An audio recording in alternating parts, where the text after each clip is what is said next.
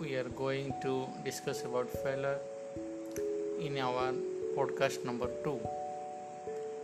Failure is a phase that comes in everyone's life. It is necessary to discover your potential and it increases your focus, determination, patience and make you a more disciplined person.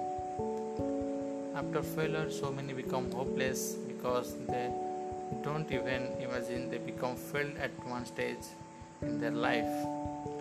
In order to overcome the failure, you must have courage to tackle it. Rather going through depression and frustration, you should plan about possible ways to get out of it.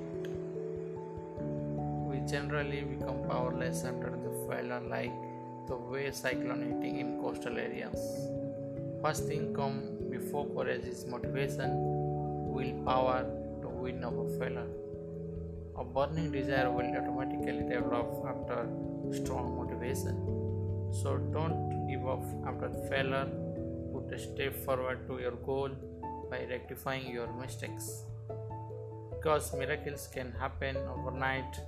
So stay happy and be positive. Thank you.